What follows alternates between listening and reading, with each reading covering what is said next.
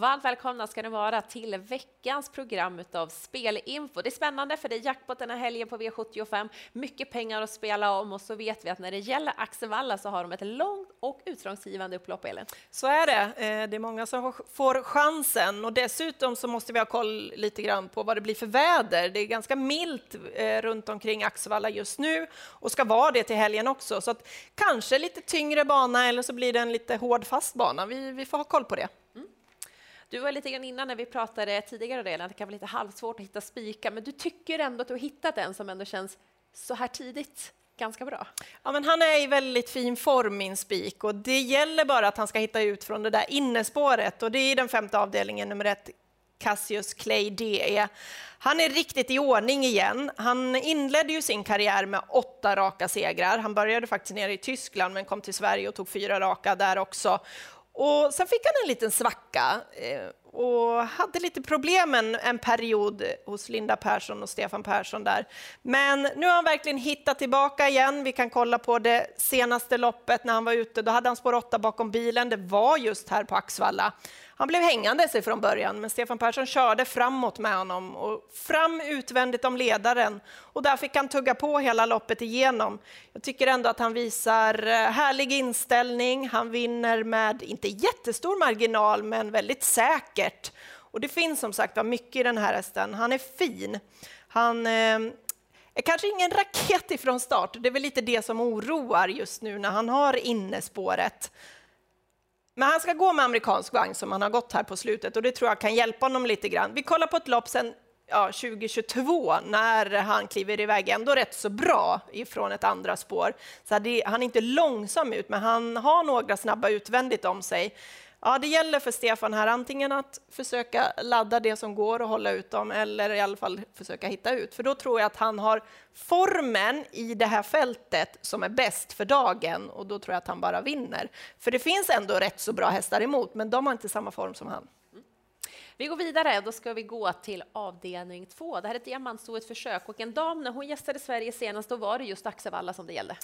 Precis, eh, för tre starter sen. Men vi kan kolla på loppet senast som hon gjorde, nummer tre Hertz, som eh, eh, ja, det var inte på någon jätterolig bana nere i Danmark, utan den var knepig och svår och vintrig och lite tung och jag vet inte allt vad det var.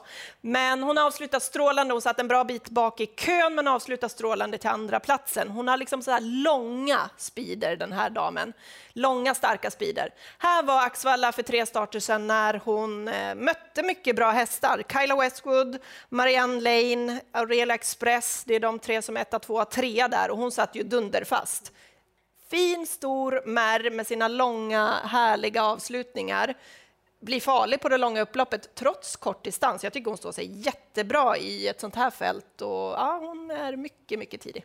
Det låter nästan som att det skulle kunna vara en stjärnspik för den modiga. Ja, det är ju avdelning två, så vi hinner se både värmning och få de sista rapporterna och just den här resan då från Danmark, hur hon har tagit den. Vi fortsätter vidare. Klass 2-försök är det när vi tar oss till avdelning 4. Vem får man inte missa här? Det är ett voltlopp och det är lång distans och då ska man inte missa nummer tre, Cumulus FG, för han är otroligt stark den här hästen. Vi kan kolla på ett lopp eh, senast när han var på Solvalla. Då var det Victor Venus som vann det här loppet och det är en väldigt bra häst.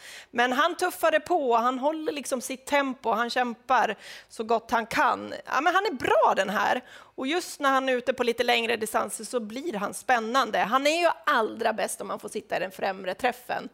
Eh, ledning eller utvändigt om ledaren, det är absolut det mest optimala för honom. Nu går han med vanlig vagn, det kanske är ett litet, litet minus. Men spår 3 volten, han borde kunna kliva iväg bra.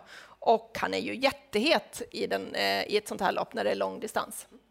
Och avslutningen också så tar vi oss till den avslutande avdelningen, avdelning 7, silverdivisionsförsök. Det är 2640 meter och du väljer en häst ifrån bakspår, Elin. Precis, och det är nummer 11, Grappa Boy, som eh, inför senast inte hade startat då. Han hade eh, fått strykas för att det var dåligt väder på väg till travet och eh, det var ju den här snöstormen som kom då.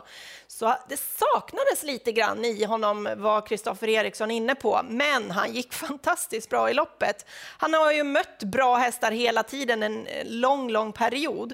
Den här svepningen de gör på bortre långsidan, okej, okay, han kan inte hänga med Joe Dalton som speedar där ute.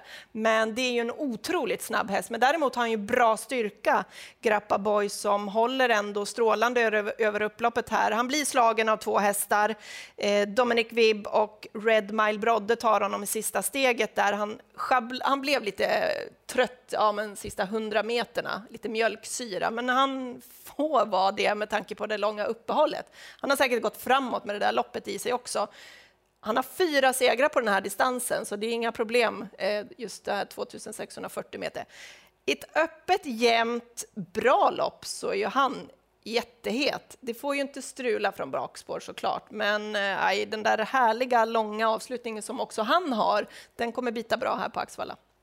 Efter att ha lyssnat på dig så känns det som att vi har en väldigt spelvänlig omgång. Alltså det är mycket spännande. Jag tycker det. Jag, jag har som sagt var haft problem att bara kasta mig över en spik. Men det slutade med att Cassius Clay D i, i den femte avdelningen tycker jag har den bästa chansen och ska vara stor favorit där och borde kunna lösa det där innespåret. Men för övrigt så kan det skrälla till ordentligt på Axvalla. Det var i alla fall den tidiga spiken och följer man sändningen på lördag här i ATG Live, ja, men då får man eventuellt kanske en sen spik också. Mm. Återstår att se. Lyckstort lycka till på V75. Det är alltså jackpot som gäller och första avdelningen startar 16.20.